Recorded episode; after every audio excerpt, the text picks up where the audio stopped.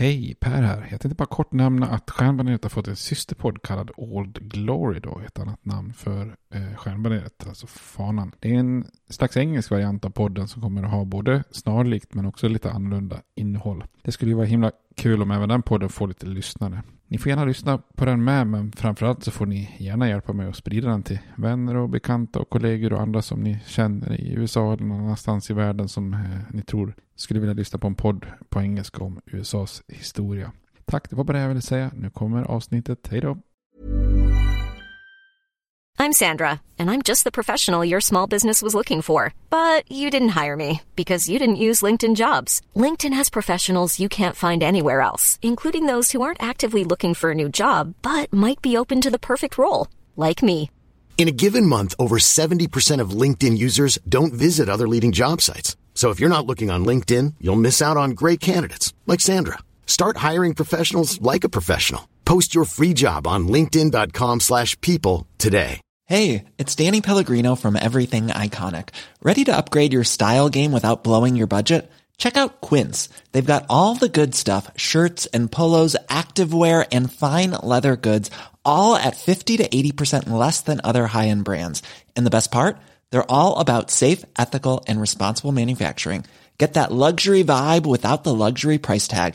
Hit up quince.com slash upgrade for free shipping and 365 day returns on your next order. That's quince.com slash upgrade. Hey, it's Ryan Reynolds, and I'm here with Keith, co star of my upcoming film, If, only in theaters, May 17th. Do you want to tell people the big news? All right, I'll do it. Sign up now and you'll get unlimited for $15 a month in six months of Paramount Plus Essential Plan on us. Mintmobile.com slash switch. Upfront payment of $45 equivalent to $15 per month. Unlimited over 40 gigabytes per month. Face lower speeds. Videos at 480p. Active Mint customers by 531.24 get six months of Paramount Plus Essential Plan. Auto renews after six months. Offer ends May 31st, 2024. Separate Paramount Plus registration required. Terms and conditions apply if rated PG. Stjärnbaneret. En podcast om USAs historia.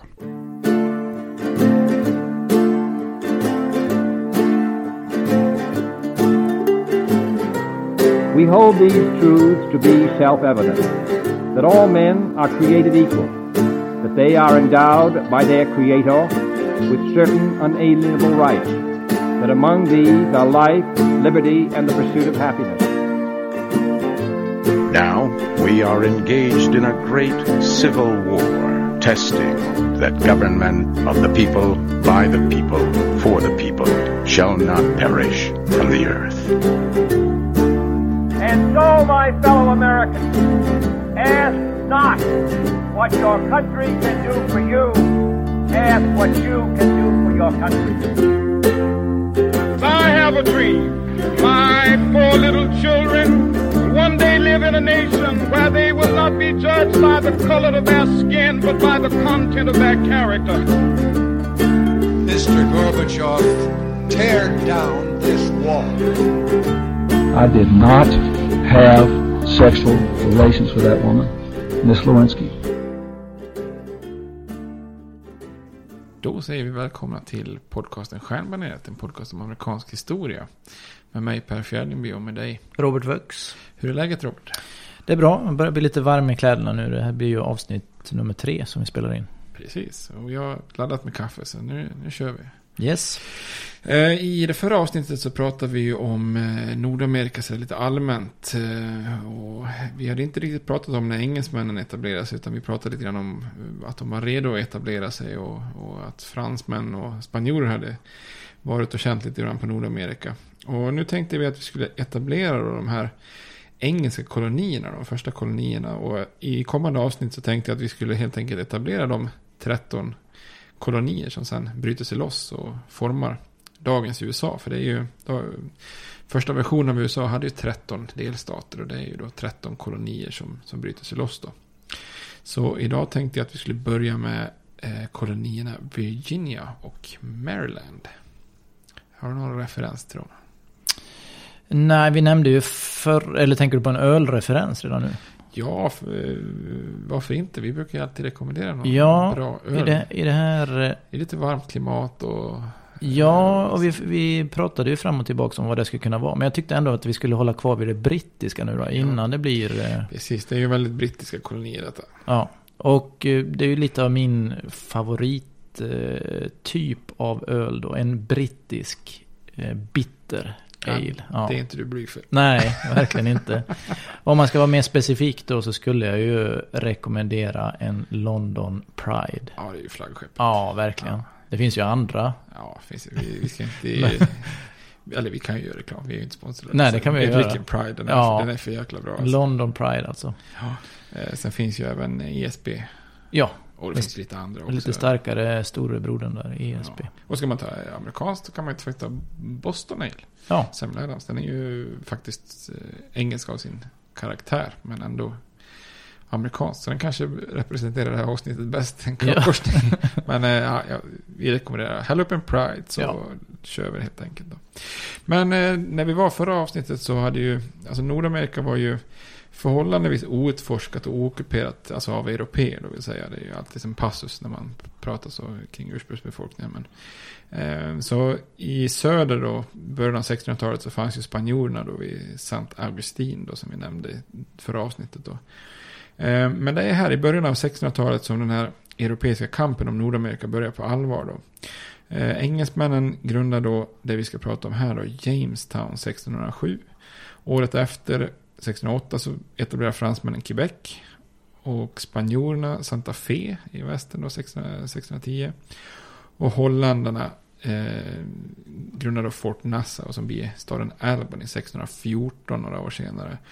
Och sen lite sent in i matchen då som vi kommer till lite senare i, i näst, nästa avsnitt så blir det då Fort Christina som svenskarna etablerade 1638 då. Eh, många av de här kolonierna, oavsett vilken nation det är som eh, är moderlandet, får ju namnet nya. Alltså nya Spanien, nya England, nya Frankrike, nya Nederländerna, nya Sverige. Eh, och i många fall så har man ju faktiskt som avsikt att bara kopiera det sociala och politiska mönstret och ta det nationella konceptet rakt av från Europa och skapa en kopia i, i Amerika då. Alltså samma land fast på andra sidan Atlanten. Eh, och det är lite ironiskt för i i realiteten blir det faktiskt någonting helt annat. Eh, väl på plats i den nya världen så tvingas man att anpassa sig efter de lokala omständigheterna. Och, och det uppstår också liksom en möjlighet då att eh, kunna gå sin egen väg och distansera sig från moderlandets eh, styre då. Man skulle kunna säga att det blir föräldrafritt. Och det är ju speciellt de engelska kolonierna utnyttjar den här möjligheten. Och med tiden så är det inte så konstigt att det är de engelska kolonierna som, som, som slår sig loss och grundar USA då.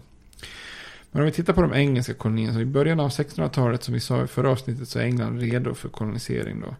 Eh, kriget med Spanien är slut. Irland har kuvats och koloniserats. Eh, England och Skottlands kronor har enats i samma kung. Eh, och de här kompanierna som vi nämnde, de här slags aktiebolagsaktigt då, är redo att börja försöka kolonisera då. Och det fanns ju två kompanier. Det första som, det som är först ut är Plymouth-kompaniet som skickade iväg män för att skapa en koloni i dagens Maine då, 1607. Det brukar kallas för Popeham-kolonin eller Sagadahoc, eh, någon slags indiannamn. Eh, men den här kolonin överges efter bara en enda hård vinter då. Eh, mycket på grund av interna stridigheter. Eh, det blir som vår gamla historielärare på högstadiet sa, tjafs. Mm. tjafs. eh, och sen är det ju jävligt kallt också. Det är ju konstig plats att kolonisera Maine. Jag har varit där i februari. Det är ju svinkallt liksom. Så att eh, man tycker att de borde kunna ha ställt in siktet lite söderut. Men eh, det gör de inte då. Så det, det kompaniet som egentligen blir framgångsrikt det är då Londonkompaniet som eh, skickar iväg tre stycken skepp 1606 då, från England. Som är de, det här blir då den första permanenta kolonin då. Och då brukar man tänka sig, ah Mayflower. Mm, jag tänkte precis säga det. Var ett av skeppen Mayflower? Ja, nej det är inte det. Nej. Men många amerikaner tänker ju att det första skeppet var Mayflower. Men det kommer ju faktiskt betydligt senare då. Så de här skeppen heter faktiskt Susan Constant, Goodspeed och Discovery. Jag har aldrig Mhm. hört talas om egentligen. Det är inga kända skepp så sett. Nej. Eh, året därpå då, 1607, så når man dagens Virginia då. Och skapar en koloni då. Eh, man kallar den lilla orten som man skapar då för Jamestown efter kung Jakob den första då. Som har tagit över tronen efter Elis- Elisabeth. Eh, och vi översätter det med Jakob men man heter ju James the first och så vidare. Mm. Och det är ganska unikt upplägg för redan i det här privilegiebrevet som de här kompanierna får så fastslår man att kolonisterna ska erhålla samma rättigheter som alla andra engelsmän. Alltså även om de är så här sjukt långt hemifrån så, så de här rättigheterna ska man då behålla. Och det här är ju oftast det är de här rättigheterna man tar fasta på. Och det är lite ironiskt då att det är 150 år senare så är det just tolkningen av de här rättigheterna som gör att det blir en konflikt då och frihetskriget bryter ut då. Men Virginia då i form av Jamestown blir den första engelska kolonin då. Och till början är det ju bara den här ort, lilla orten Jamestown då. Men det är hänger verkligen, verkligen på en skör tråd. Det är lite grann av helvetets plats på jorden kan man säga. Så det är ju, det är inte mycket som gör att kolonin egentligen överlever. Den kunde lika gärna gått eh, samma väg som alla de andra. Vad blir eh, utmaningarna för Jamestown här då? Ja, det var faktiskt flera utmaningar, eller tre ganska allvarliga problem eller bekymmer då. Och det första har att göra med om man tänker sig att man spelar ett strategispel och ska anlägga en stad, typ Civilization eller Age of Empires. Jag vet att du också har spelat sådana spel. Ja, fantastiska. Jag gillar strategispel. Vad är det första man ska tänka på när man startar ett sånt spel? En, en bra plats måste det vara då. Precis. Ja. Och det första problemet är ju läget. För de väljer en plats som är ganska bra för skydd mot spanjorerna. Alltså en bit upp längs en flod och sådär. Man kan rikta kanonerna ut mot havet. Men den här platsen är ju ren katastrof. Det är, det är massa träsk runt om då. Eh, tidvis blir vattnet bräckt, alltså det kommer upp saltvattnet i sö, salt i sötvattnet. Och det är malariamygg i mängder då. Så att det är en extremt ohälsosam plats. Så att eh, det gör ju att sjukdomar sprider sig jättelätt och i det här varma klimatet då. Det andra problemet man har det är ju att de flesta som kommer i första vändan här, 105 stycken män då, inga kvinnor. Eh, de är för de flesta, de flesta är lycksökare, eller äventyrare, man kanske skulle säga soldiers of fortune på, på engelska. Men, så de, de ägnar sig ju framförallt åt att leta guld och rikedomar snarare än att odla och jaga och fiska och försöka överleva. Då. Och det tredje problemet är att det är väldigt mycket gräl och maktkamp. Alltså det blir tjafs även i den här Eh, kolonin då. Ledarskapet är lite förvirrat och otydligt då. Och eh, bland annat finns det en person då som heter George Kendall som, som skjuts på grund av förräderi när han satts upp mot de styrande i kompaniet då. Eh, och det är ju faktiskt lite passande på något vis kan man känna att illojalitet mot arbetsgivaren är det första brottet i, i USA. På något vis. Eh, så nästa gång, nästa gäng anländer från England då, året därpå, då har bara 40 av de här 105 överlevt eh, den första tiden där då. Eh, men då stiger en person som heter John Smith in i handlingen. Och han kan man väl säga är lite av den första hjälten i USA. Eh, han tar kontrollen över ledarskapet och, och räddar kolonin då. Han sätter folk i arbete, säger åt dem att ta hand om boskap som anlänt och börjar odla majs då som ju faktiskt är, liksom de märker att indianerna överlever på majs så vi måste ju odla där då. Så det blir lite den här devisen att den som inte arbetar den får inte äta och det gör ju att man slutar leta guld och börjar ägna sig åt kolonisering på allvar då på något vis. Och den här John Smith, alltså det är en sjukt fascinerande man. Man kan nästan göra en parentes här. Det är snack om äventyrare. Jag ska försöka dra hans liv i korthet. För eh, Får du se om du tycker att det är ett mm. händelserikt liv här. Han är född antagligen 1580. Eh, när han var 16 år drog han till sjöss. Eh, han strider som legosoldat i den franska armén i krig mot Spanien för Nederländernas självständighet. Eh, därefter drar han iväg till Medelhavet och ägnar sig åt både handel och piratverksamhet. Och på något sätt tar han värvning igen och så strider han för både Österrikes räkning och Valakiets räkning, alltså dagens Rumänien ungefär mot de ottomanska turkarna. Och enligt en legend så dödar han och halshugger tre turkar i en duell. Vilket gör att han adlas till prins av Transylvanien. Bra karriärsteg. Mm. Och då har han en sköld med mönstret av tre turkiska huvuden. Bisarr. Ja. Eh, och så i en strid mot tartarer 1602 så skadas han och tas till fånga och säljs som en slav. Då. Men hans turkiska ägare skickar honom som en gåva till en grekisk älskarinna i Konstantinopel. Och då blir hon förälskad i honom. och så tas han med då till Krimhalvön och där lyckas han fly från det ottomanska riket upp till Polen-Litauen då som är ett eh, gemensamt rike. Och sen vidare därifrån på någon vänstersvis ner genom Europa till norra Afrika och därifrån hem till England igen. Oj. Så han kommer hem 1604 då, några år innan han drar iväg till Amerika då. Och då har han varit med om allt, eh, allt det här. Så det känns ju nästan som en påhittad historia. Ja, man får nog säga som eh, jag kommer inte ihåg om det var vår filosofilärare som sa det, får man ta med ett kilo salt. Ja, man kan fundera på det. Jag vet inte hur många... om, om detta nu stämmer så är det ju fantastiskt alltså. Ja. Och då kan man förstå att han hade lite respekt med sig när han då kom till kolonin sen. Men det Nej. kanske hände någonting i England. Var, varför är det han som åker över då? Vet man det? Du, jag vet faktiskt inte varför han är en av de som, som åker över. Men han är ju, han är ju säkert driftig. Jag tänkte säga, säga driftig verkar ja, han vara. Men eh, han irriterar folk också. Han är säkert lite besserwisser. Han har varit ute på motsvarigheten till en sån här självförverkligande luff, luffresa idag. Mm. Eh, så, han är, så att de andra gillar inte honom där. Så på ett, en av de här skeppen på väg över till, till eh, Jamestown så så, fängslar de andra honom. Så att han hamnar i fångenskap då. Men när de kommer fram till Jamestown så de vet, ingen ombord vet vilka som ska styra kolonin. Utan de har en kista med sig som är förseglad. Så de får ta upp och läsa namn lite som någon slags mm -hmm. Robinson-grej. Mm. liksom. Och, eller ja, Robinson-grej, ingen som ska röstas ut. Men de ska röstas in i rådet. Och mm, då är hans namn med. Så då tvingas de att ta bort fångenskapen. Eller ta ut honom från fångenskapen. Då, så att han blir med i styret av, av kolonin. Då. Eh, men trots egentligen om man ser de här ansträngningarna och John Smiths eh, ganska hårda ledarskap så är det ju extrema tuffa tider. Tuffa tider låter som Gessle. Mm. Det är tuffa tider nu. Ehm, och det som brukar lyftas fram det är ju vintern 1609-1610 då som kallas för hungersvintern. Och då är det extra tufft. Alltså det finns mest rötter, ormar, katter och möss att äta. Och släktar man en häst så blir det rena lyxen då. Eh, och en del blir så desperata att de kokar gamla läderskor och ägnar sig åt kannibalism då. Eh, så att det har man konstaterat i efterhand att det faktiskt är eh, kannibalism som förekommer då. Det är en man som döms för att han har ätit upp sin fru. Oj. Alltså inte dödat henne, men när hon väl dog så passar han på då så att säga. Ja. Svårt att tänka sig. Ja, verkligen. Ja, väldigt konstig grej då. Man förstår att det måste vara ganska rejält eh, desperat då. Så att återigen då så är det bara typ 50 50 pers som överlever när, när våren kommer då. Man kan ju, jag är svårt att förstå, jag tror att du hade klarat det bra. Nej men att de fortsätter, de är, de är ihärdiga ändå. Ja. Men det finns ju på med mer folk då tänker jag också. Ja, precis. Ja. Är det ständiga? Ja, det är lite olika, men det kommer ju några lite då och då helt enkelt hela tiden då. Och och till en början då får man hjälp av de, de indianer som finns i området, eller ursprungsbefolkningen då. Det finns en st större stam som heter Powhatan-indianerna som, eh, som är en slags större konfederation av stammar. Och, eh, men ja, den här hjälpen dör snabbt ut därför att eh, många engelsmän tar bara saker eller tvingar till sig mat och beter sig lite allmänt dåliga. Så att de blir väl inte jätte glad över att hjälpa, hjälpa dem då.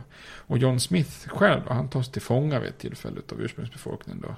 Eh, och i en extremt eh, känd episod då så räddas han av hövdingens 11-åriga dotter som är då Pocahontas. Som man känner igen mm -hmm. från eh, Disney. Du kanske har sett Pocahontas med dina döttrar? Nej, jag tror faktiskt inte jag har gjort det. Men man känner ju till själva namnet Pocahontas. Ja. Nästan som en prinsessa då. Ja, precis. Ja. ja. Och det är en väldigt känd scen där, där Smith själv tror att han är på väg att avrättas. Eh, men då kastar hon sig då framför och liksom typ nej, nej, stopp, stopp, eh, eller vad hon säger då. Eh, och, och stoppar den här avrättningen. Och många historiker har ju funderat på hur man ska tolka den här händelsen. Det är ju Smith själv som beskriver den då. Och man tror kanske att det snarare var någon slags eh, skenavrättning och att den här övergripande hövdingen hade det här som en adoptionsceremoni. Liksom. Att då han, han var stor och tog till sig de här eh, européerna som en del i sin stora stam då. Men då måste mm. hans ledare, eller ledaren Smith måste då adopteras av honom som en övergripande eh, pappa då, eller vad man ska säga. Så att det kanske inte var så att dottern faktiskt rädda här. Det är ju rätt storsint av en 11-årig tjej mm, och kasta mm. sig framför en blek främling så där, i så fall. Då. Men de har ju väldigt svårt att hålla kolonin levande då. Nästan lika många dör ju som kommer. Och som du sa, det kommer ju nya och skepp hela tiden. Och oftast ibland blir det bara svårare då. För att ja, om inte man, de få som är på plats kan eh, försörja sig så är det ju ännu svårare när det kommer typ hundra nya liksom. Eh, så ungefär tre fjärdedelar av alla som anländer dör ju efter, inom ett år då. Så chansen att överleva är inte jättegoda. Då. Och 1610 så bestämmer de sig faktiskt, de som överlever, att nej, vi skiter i det här nu. Vi, vi går ombord på ett par skepp och drar tillbaks, över kolonin då. Och då är det så här, tajmingens underbara natur. att precis när de är på väg ut mot havet så anländer nya skepp då, med en ny guvernör som heter Lord Delaware. Eh, utav sig Delaware, men det är ju ordet Delaware som kommer från där. Mm. Och han tvingar tillbaka dem till, till kolonin då. Så där hade det kunnat bli en koloni på tre år och sen hade den kunnat övergetts då.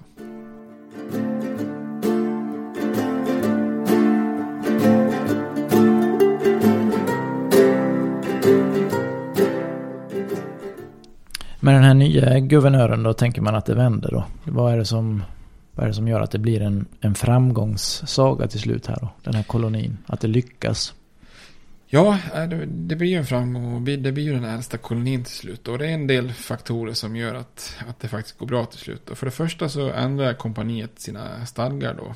Eh, och eh, gör att kolonisterna får rätten att äga mark då individuellt. Inte bara jobba gemensamt för för kompaniet då. Och det här är ju någonting som naturligtvis lyfts fram fruktansvärt hårt i, av amerikanska historia. Att man går från så att säga kommunism till eh, kapitalism då helt enkelt. Eh, sen den andra orsaken är kanske egentligen den viktigaste. Det är ju också att tidigare har man ju liksom letat lite guld. Man har försökt att odla lite grejer. Men man har liksom inte hittat någon direkt ekonomisk vara som verkligen liksom lyfter och kan vara lukrativ då. Men eh, då finns det en snubbe där som heter John Rolf. Som, eh, han eh, började experimentera, experimentera med tobak. Eh, och de här stammarna som, som redan bott där i många, många tusen år. De, de röker tobak. Men det är en annan sorts tobak än den, man, den som man gör cigaretter på. Så att säga. Den är lite kärv och sådär. Men Rolf han lyckas importera lite tobak från en spansk koloni. Som är av en mycket bättre kvalitet och mildare i smaken. Och börjar experimentera då. Och till slut så hittar han ju ett sätt att odla tobak då. Och det gör ju att kolonin ganska snabbt då börjar blomstra då. Att man börjar odla upp mark med, med tobak och börjar skicka hem tobak till, eh, till England då. Eh, sen är det lite ironiskt för kungen själv skriver ju typ nästan protestbrev. För han tycker att rökning är riktigt avskyvärt. Men mm -hmm. det mhm. sprider sig som en löpeld i i Europa. Liksom. Det var ju som vi pratade om innan en av de få varorna som verkligen gjorde skillnad i Europa. Eh, och det var ju tobaken då. Folk började, började röka som blir kedjerökare helt enkelt. Mm, mm. En, en tredje sak är ju också att eh, relationerna med den här påtanstammen förbättras lite av att just den här John Rolf då, tobaksmannen, han gifte sig med Pocahontas. Eh, för hon är tillfångatagen under en period, men då lyckas de bli kära i varandra. Och, och, hon konverterar till, till kristendomen. Och kallar sig för Rebecka. Helt enkelt. Mm. Eh, och de, de åker faktiskt till England då. Eh, när hon är typ 22 år gammal. Men eh, då dör hon av smittkoppor. Så hon kommer aldrig tillbaka till, eh, till kolonin då. Hemskt öde. Ja, ja verkligen. Bara dra över till London. Ja. En chock liksom. Och så, ah, nej, så blev jag sjuk liksom på det. Dog. Eh, men det finns här tavlor målade på henne. Liksom, hon var som en slags eh, prinsessa då, som, som du sa innan. Eh, och en, en fjärde anledning som brukar lyftas fram det är ju att man också inför självstyre då. Alltså Londonkompaniet instruerar 1619 då guvernören att sammankalla lokala män för att rådfråga i styret av kolonin då. Så 22 män samlas i eh, kyrkan i Jamestown. Och så går de lite längre än sina instruktioner då och börjar i princip stifta lokala lagar då. Eh, Lite lagar mot spel, fylla, lathet med med så här, lite praktiska lagar då. Och man kallar sig själv då för borgarhuset, eller House of Burgesses. Eh, och det här då anses ju vara den första lagstiftande församlingen i, i USA då. Eh, det blir liksom som ett slags, ska man säga, miniparlament då. Eh, och den här symbolen av självstyre blir, blir ju en otroligt viktig del av de engelska kolonierna. För sen som vi kommer att se så eh, varje koloni som etableras kommer ju att förr eller senare att få den här typen av självstyre där kolonisterna är med och bestämmer även om det är en kunglig guvernör som är yttersta makten. Då, så att säga. Men kolonin fortsätter ju att vara ganska mycket en dödsfälla. Även om den liksom är framgångsrik och överlever och inte, man inte kan backa så. Mellan åren 1610 och, 1618 så anländer det 3000 nya kolonister men ändå då, året 1619 då, när den här första lagstiftande församlingen samlas, så är de bara tusen kvar då. Så jag såg någon siffra, någon hade räknat ut att om man jämför hur många som kommer och hur många som dör så är det en överlevnadskvot på 14,5 procent. Inte, jätte, inte jättebra odds. Det hade inte stått med i någon så här um, semesterkatalog, marknadsfört resan. Sen eh, utbyter det då en del indiankrig då. 1622 och 1644 så går den här påtanstammen till kraftig attack mot kolonisterna då. Och vid varje sån här anfall så, så dödas ganska många då, eh, på båda sidor då. Eh, men i slutändan så överlever ändå kolonin och för varje sånt här krig så tvingas ju de här indianerna snarare längre västerut hela tiden då. Eh, men efter det första kriget 1622 så finns det ju bara typ 3000 eh, överlevande kvar då. Och då har de här investerarna i kompaniet tröttnat att de har pumpat in så mycket pengar men de får liksom inte ut så mycket. Och kungen själv blir lite sådär arg. Så då gör de om Virginia till en kronkoloni. Alltså att det är kungens egna koloni. Då, att den ägs och styrs av staten då. Eh, och då börjar den ju också blomstrar lite mer då. Den överlever och börjar expandera. Så det kommer fler orter än Jamestown då. Så att det blir hela kolonin Virginia liksom helt då. Och med tiden så startar man, eller så anlägger man en ort som med, med tiden blir Richmond. Som är huvudstaden i Virginia fortfarande idag. Eh, och det strömmar in nya kolonister så runt 1650 då, eh, ungefär dryga 40 år efter att man grundat kolonin, så då är det en ganska förlorande tobaksekonomi med runt 18 000 invånare. Och många av de här ledande familjerna som, som vi kommer att följa sen då, George Washingtons familj och så vidare, har redan etablerat sig då. Men det är ju en ganska enorm kostnad för det här fastighetsexperimentet på, på andra sidan av Atlanten. Det är tusentals liv och bankrutta investerare på något vis. Och Eh, det är ju på något vis intressant. Virginia blir ju aldrig varken det som kompaniet eller kungen har avsett. Utan det blir ett ganska självstyrande samhälle där den som överlever och gör rätt kan, kan bli en välmående plantageägare som, eh, som exporterar en massa tobak till Europa. Då.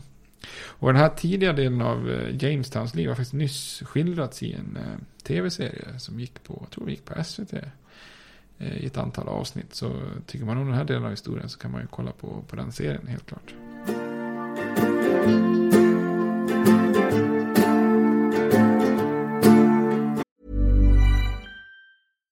One size fits all seemed like a good idea for clothes. Nice dress. Uh, it's a t-shirt. Until you tried it on. Same goes for your healthcare. That's why United Healthcare offers a variety of flexible, budget friendly coverage for medical, vision, dental, and more. So, whether you're between jobs, coming off a parent's plan, or even missed open enrollment, you can find the plan that fits you best. Find out more about United Healthcare coverage at uh1.com. That's uh1.com. Many of us have those stubborn pounds that seem impossible to lose, no matter how good we eat or how hard we work out. My solution is PlushCare PlushCare is a leading telehealth provider with doctors who are there for you day and night to partner with you in your weight loss journey. They can prescribe FDA-approved weight loss medications like Wagovi and Zepbound for those who qualify. Plus, they accept most insurance plans. To get started, visit plushcare.com slash weight loss. That's plushcare.com slash weight loss.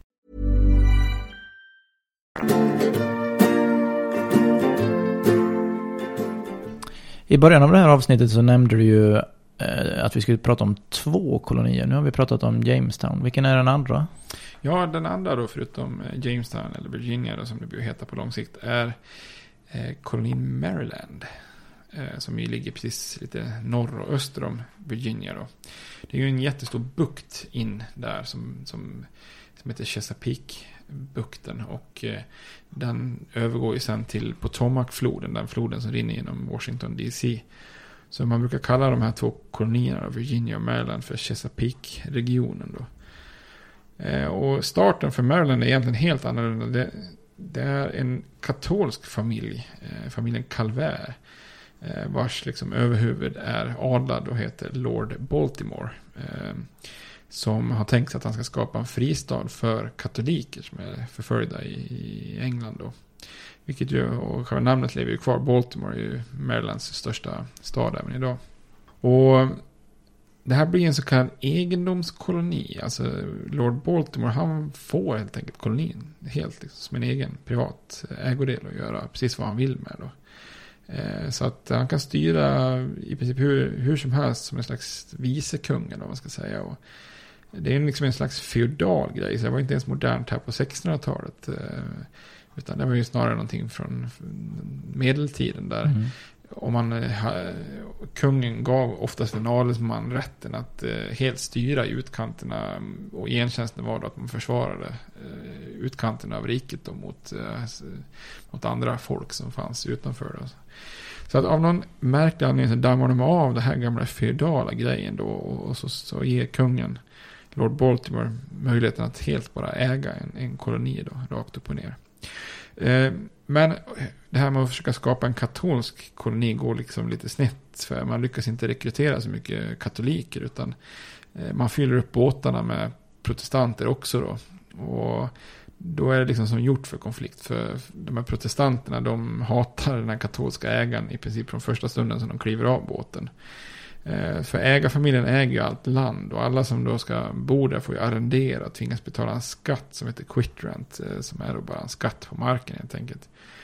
Eh, och ägarna då försöker ju blidka kolonierna lite grann sådär. Och, eller kolonisterna och, och vara lite schyssta. De inför en lagstiftande församling då. Precis som det fanns då i Virginia. Som får lite inflytande men eh, den här ägarfamiljen försöker ändå styra i mångt och mycket. Så det är mycket strider, uppror mellan den protestantiska majoriteten och den här katolska minoriteten som har allt inflytande och allt makt i den här eh, kolonin då. Så till slut när katolikerna liksom blir en hopplös minoritet så ja, då inser ju ägarna att man måste göra någonting. Så 1649 så inför man en lag om religiös tolerans. Vilket också brukar räknas som en riktig milstolpe eftersom USA är ett land som är byggt på religiös eh, tolerans i en tid där, där det oftast var en, en religion per stat som, som verkligen var tvungen att uppfylla annars hamnar man i någon religiös domstol så att säga. Så att det är två helt olika, olika starter kan man säga. Finns det någon kontakt mellan de här två olika kolonierna då? Ja, det kan man säga. Det är, Maryland blir lite grann Virginias lillebror. Och Eh, att Maryland etableras är ju inte populärt i Virginia. Det ses ju som en hinder för Virginias expansion då. Eftersom det är en katolsk koloni så är den ju sjukt suspekt tycker de flesta engelsmännen då.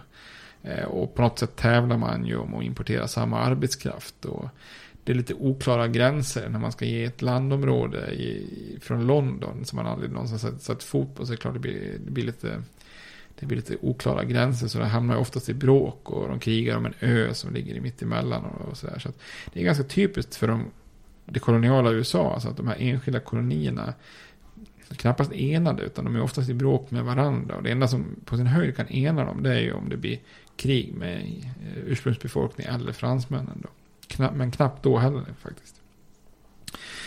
Så man kan säga så här, Virginia och Maryland de är ju två helt olika kolonier i starten. Men med tiden så, så blir de faktiskt ganska lik varandra. Då. Eh, så det blir helt enkelt två stycken ja, kolonier byggda på, på att odla tobak. Då.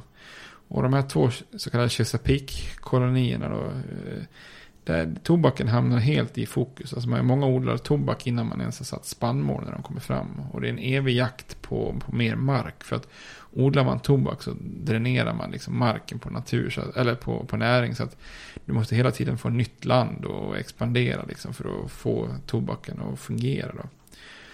Men år 1700 då så då står tobak för ungefär 4 femtedelar av allt som exporteras från de engelska kolonierna i Nordamerika. Så tobaken är verkligen viktig i USAs tidiga historia. Och tobak används för allt. Liksom. Det är valuta och allting. Liksom. Så man kan säga att det är en ekonomi som helt eh, bygger på rökning egentligen i, mm. Europa. En annan sak som är typisk för de här två kolonierna är också att tobak kräver mycket enkel arbetskraft. Eh, så de flesta som anländer är ju endera då elit, alltså söner utan, utan mark i London och utan arvsrättigheter. Eller också är det riktigt, riktigt fattiga tjänare då. Och eliten gynnas ju av något som heter headright-systemet. Som innebär att kan man betala för sin egen överfart så får man 50 tunnland. Alltså mark där man anländer till Virginia. Och kan man då betala för någon annan person så får man ytterligare 50 tunnland per person. Då, alltså per head. Därför heter det headright. Och det här gynnar ju inflödet av tjänare. För kan man då som liksom, eh, lite rik snubbe ta sig över med både sin familj och en massa tjänare, då får man ju ett enormt plantage liksom, av, av mark då, som man kan odla. Och de här fattiga, de kommer ju då som, som någonting som heter kontraktsbundna tjänare. Jag tror det heter indentured servants. Eh, och det är lite halvslavar kan man säga. Och det är oftast fattiga som har kanske haft ett hårt liv och flyttat runt i England från landsbygd till stad, till, från stad till större stad. Och så till slut för att liksom bara kunna överleva på något sätt så säljer man sig själv då. Eh, i, i, ett desperat försök att på något vis försöka förbättra sin lott i, i, i Amerika då. Så det är lite grann som en tidig amerikansk dröm då. Eller version av den amerikanska drömmen. För att alla har egentligen möjlighet att avancera. För när kontraktet som oftast är på kanske sju år. När det tar slut då så får man så kallade freedom dues. Vilket då är lite mark, lite verktyg, sådd och annat. Och så kan man liksom starta eget då. Eh, och då kan ju vem som helst egentligen då avancera till att bli egen plantageägare med egna tjänare då. Eh, det som är kruxet är ju att det gäller bara att försöka överleva. Som vi pratade om innan, oddsen är ju inte alltid så superbra på att överleva. Eh, dessutom är man ju i princip som en slav i de här, under det här kontraktet då. Så att man är ju väldigt sårbara för alltså fysiska övergrepp. Och ja, kvinnor kan ju utsättas för sexuellt våld. Och man har liksom inga rättigheter nästan som, som en sån tjänare. Eh, och de här Chesapeake-kolonierna, Virginia och Maryland, de importerar under 1600-talet ungefär 100 000 kontraktsbundna tjänare då. Brukar ibland kallas för vita slavar. Och när könsfördelningen i kolonierna är ju oerhört skev då. Det går ungefär runt sju män på varje kvinna. Så det är mansdominans, verkligen alltså bokstavligt eh, talat. tavlat då. Och det går så långt att Londonkompaniet vid ett tillfälle betalar överfarten och skickar 90 kvinnor till eh, Virginia vet, jag läste det var någon historiker som skrev att det verkar ju jättebra. De kan ju inte haft så svårt att bli gifta, bortgifta sig. Kanske, kanske inte var så bra i livsöde i alla fall. Men det kanske, om man sätter bröllopet som, som en topp så vore det kanske bra. Men med tiden så tycker man att det här med tjänare också är nästan lite för dyrt. Och då försöker man lösa det här först genom att importera dödsdömda kriminella då, som får en ny chans i, i den nya världen. Ehm, men snart då så börjar man ju övergå till att importera mer afrikanska slavar. Därför att afrikanska slavar kan vara slavar för li hela livet ut. Så, så de första slavarna anlände faktiskt redan 1619 då. Vilket blir lite så här ironiskt i USAs historia. 1619 är det den första lagstiftande församlingen som hyllas väldigt mycket. Eh, och samtidigt så kommer de första slavarna då som ställer till ett sånt eh, bekymmer. Eller ja, det är inte de som ställer till bekymmer. Men slaveriet ställer till bekymmer i, i historien då. Så att man kan säga att de här kolonierna, tobakskolonierna, präglas av ohälsosamt klimat, hårt jobbande tjänare och väldigt tidig markägande elit. Då. Och de växer så det knakar. Så från 1620-talet till sekelskiftet eh, 1700 så anländer det ungefär runt 130 till 150 000 nya kolonister. Då. Ungefär tre fjärdedelar är kontraktsbundna tjänare. Då. Så man kan säga att koloniseringen eh, Ehm, av Nordamerika börjar på allvar där i början av 1600-talet då när engelsmännen etablerade Jamestown som jag sa innan. fransmännen Quebec och spanjorerna Santa Fe och så vidare. Och engelsmännen kom ju ganska snabbt att ta ledningen i koloniseringen framför de andra nationerna då, som vi nämnde i förra avsnittet. Nederländerna är en ganska liten, och ny nation som fortfarande inte är så trygg i Europa då. Spanien har ju fokus på att försvara sitt stora imperium i Sydamerika och Mellanamerika och Karibien då. Så deras kolonisering av Nordamerika begränsar sig till några få fort och missionsstationer i dagens New Mexico och Florida. Och fransmännen satsar ju hårt på, på Kanada med pälshandel snarare än bosättningar och odling. Um, och man försvårar också i franska Kanada genom att förbjuda till exempel religiösa tänkare då, som de här hugenotterna, protestanterna, att bosätta sig i kolonierna. Vilket ju då England gör tvärtom. Man skickar iväg de som inte tycker likadant. Då. Så att eh, det gör ju att engelska kolonierna ganska snabbt tar, tar eh, täten då när det gäller befolkning. Då.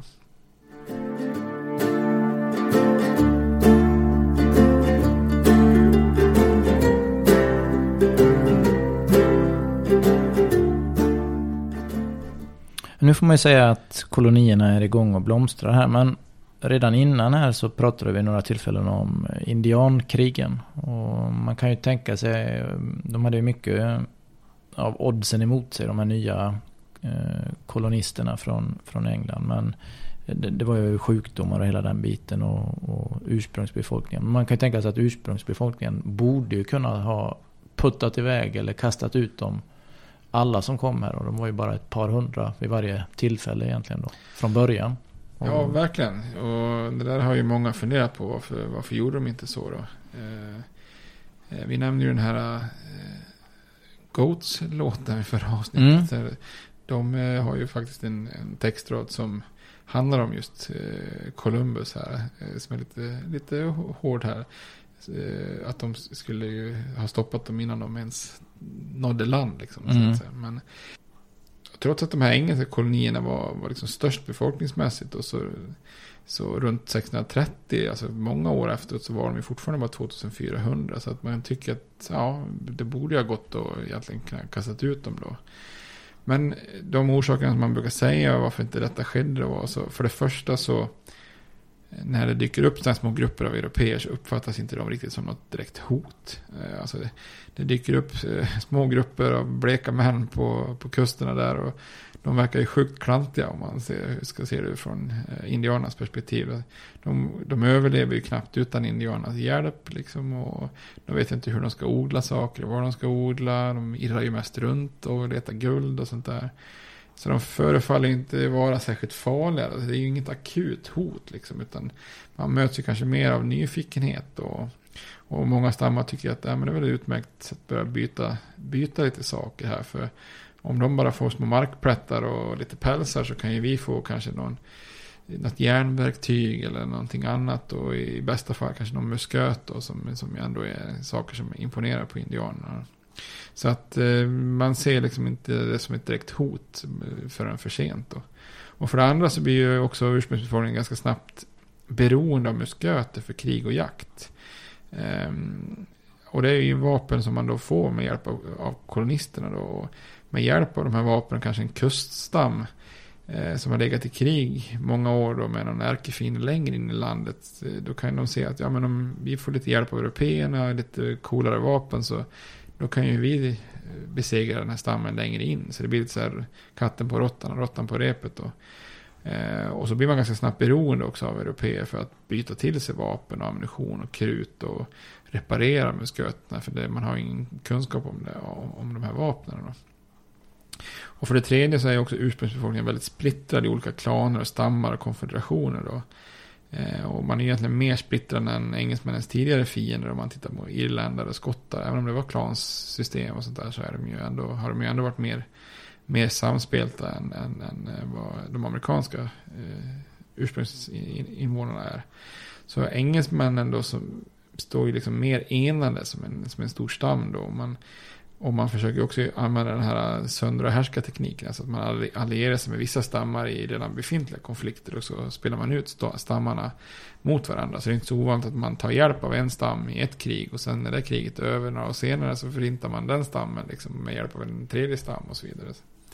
Och sen för det fjärde och kanske viktigaste är ju att det är ett biologiskt krig. Då, som vi nämnde lite grann i tidigare avsnitt. Att ursprungsbefolkningen har ju ingen immunitet utan dör ju som flugor då. Ehm, och vissa fall, vi kommer att prata nästa avsnitt om eh, New England, de kolonierna. Där har ju sjukdomen nästan förintat vissa stammar. Så när européerna kommer så är det ju i princip bara övergivna, övergivna byar. Så att då är det inte så svårt att etablera sig. Det finns inte så många motståndare om man säger så. Eh, och sen har vi också, alltså när man tittar på befolkningstillväxt så indianstammarna har ju oftast ganska låga födelsetal. Eh, bland annat, bland annat på grund av en tradition av att amma barnen då uppe i kanske 3-4 års ålder. Så det blir med lite preventivmedel då. Ehm, och det här kan ju jämföras med vissa av européerna då. Särskilt om vi kommer att prata om nästa avsnitt i puritanerna i New England.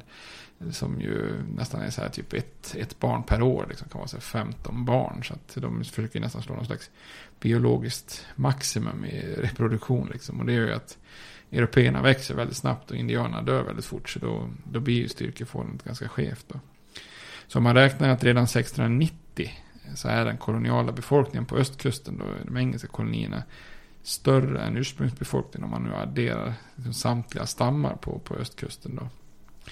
Och de här försöken som ändå görs då i både Virginia och det, i det vi ska kolla på senast här, New England, eh, eller i nästa avsnitt, de gör ändå så här ganska rejäla attacker för att, för att faktiskt slå tillbaka européerna. Eh, och då visar det sig att de kan göra ganska stor skada liksom, i de här yttre mindre byarna i kolonin. Då. Men om kolonisterna tvingas tillbaka och koncentrerar sig på, på, på de större orterna längs kusten och i något fort eh, understödda av skepp och kanoner och sånt där så med musköter så, och kämpande desperat för sin överlevnad med havet i ryggen då är det nästan omöjligt för, för indianerna att besegra dem. Då. Så har man, fått, man har liksom fått ett brohuvud och, och eh, då är det lätta alternativet kanske att börja dra sig västerut istället. Då. Så att det finns många, många orsaker men mycket tror jag det bygger på att de uppfattas inte som ett hot förrän alldeles för sent. Och det uppstår ganska snabbt en ömsesidighet, beroende av varandra och man, man ser ett utbyte. Så att, eh, ja. Mm. Bra, men vad, vad har vi, om vi ska kolla som vi gjorde förra gången med någon profil då. Så jag tycker det här avsnittet är nästan givet att det nästan måste vara John Smith. Ja, det måste det väl vara va? ja, verkligen. Eh, sen idrottslag, jag hade inte, inte så mycket. Nej, det var inte några riktiga kopplingar här. Baltimore har ju naturligtvis eh, en del lag, ja. men det är inget vi kan koppla till. Ja, Baltimore Ravens, alltså, det är ju korpar. Ja. Det finns säkert någon historisk koppling där kanske. Eller om det... Jag, så, jag såg det var, eh, på nätet någon gång det fanns något väldigt udda lag som heter George Washingtons Colonials. Som hade en maskot som heter George the Colonial. Ja. är, jag vet inte hur den maskoten ser ut. Men, ja, men jag är lite för tidigt ute. För George Washington han är ju från Virginia. Okay. Vi kommer komma till honom, det är första presidenten. Men han, eh, han lever ju inte på den här tiden. På, Nej. Eh, sen har vi musik eller film eller tv. Har någon referens till Virginia och Maryland kolonierna? Nej, jag tror inte det. Eh, vi nämnde ju Pocahontas, men det ja. känns ju lite som tecknat. Eh, ja. ja det känns, eh, men det är ju klart, jag tror att de flesta känner till Pocahontas utan att egentligen veta vad, ja, vad det är. Känns det tror jag. Och det finns ju en film, jag tror inte någon av oss har sett den, den här New World. Där är ju John Smith spelas av Colin Farrell. Mm. Och eh, John Rolfe, han som gifte sig med Pocahontas och odlade tobak, han eh, spelas ju av Christian Bale. Och vi kanske ska få kolla på den. Ja, det får vi göra. Jag, jag tror inte jag har sett hela. Jag, jag, känner igen det när du nämner det, men jag har inte sett filmen. Det får vi, det får vi kolla upp. Ja, vi kör det som hemläxa. Ja, det gör vi. Har du någon favorit av dem? Tycker de är bra skådisar? Eh, det är väl inte någon favorit, men jag har samtidigt inget emot någon av dem. Eh, jag, jag kan uppskatta Christian Bale, får jag säga. Ja. Jag mm. gillar honom. Får kolla om han utgör sig bra på den koloniala ja. tiden. ja, men då får vi säga eh, hej då för den här gången. Ja, tack och hej. Tack och hej.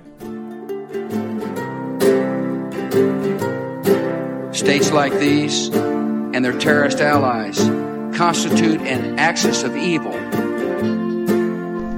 And if the hippies and the yippies and the disruptors of the systems that Washington and Lincoln as presidents brought forth in this country will shut up and work within our free system of government, I will lower my voice. If the impeachment provision in the Constitution of the United States will not reach the offenses charged here, then perhaps that 18th century Constitution should be abandoned to a 20th century paper shredder. Therefore, I shall resign the presidency effective at noon tomorrow.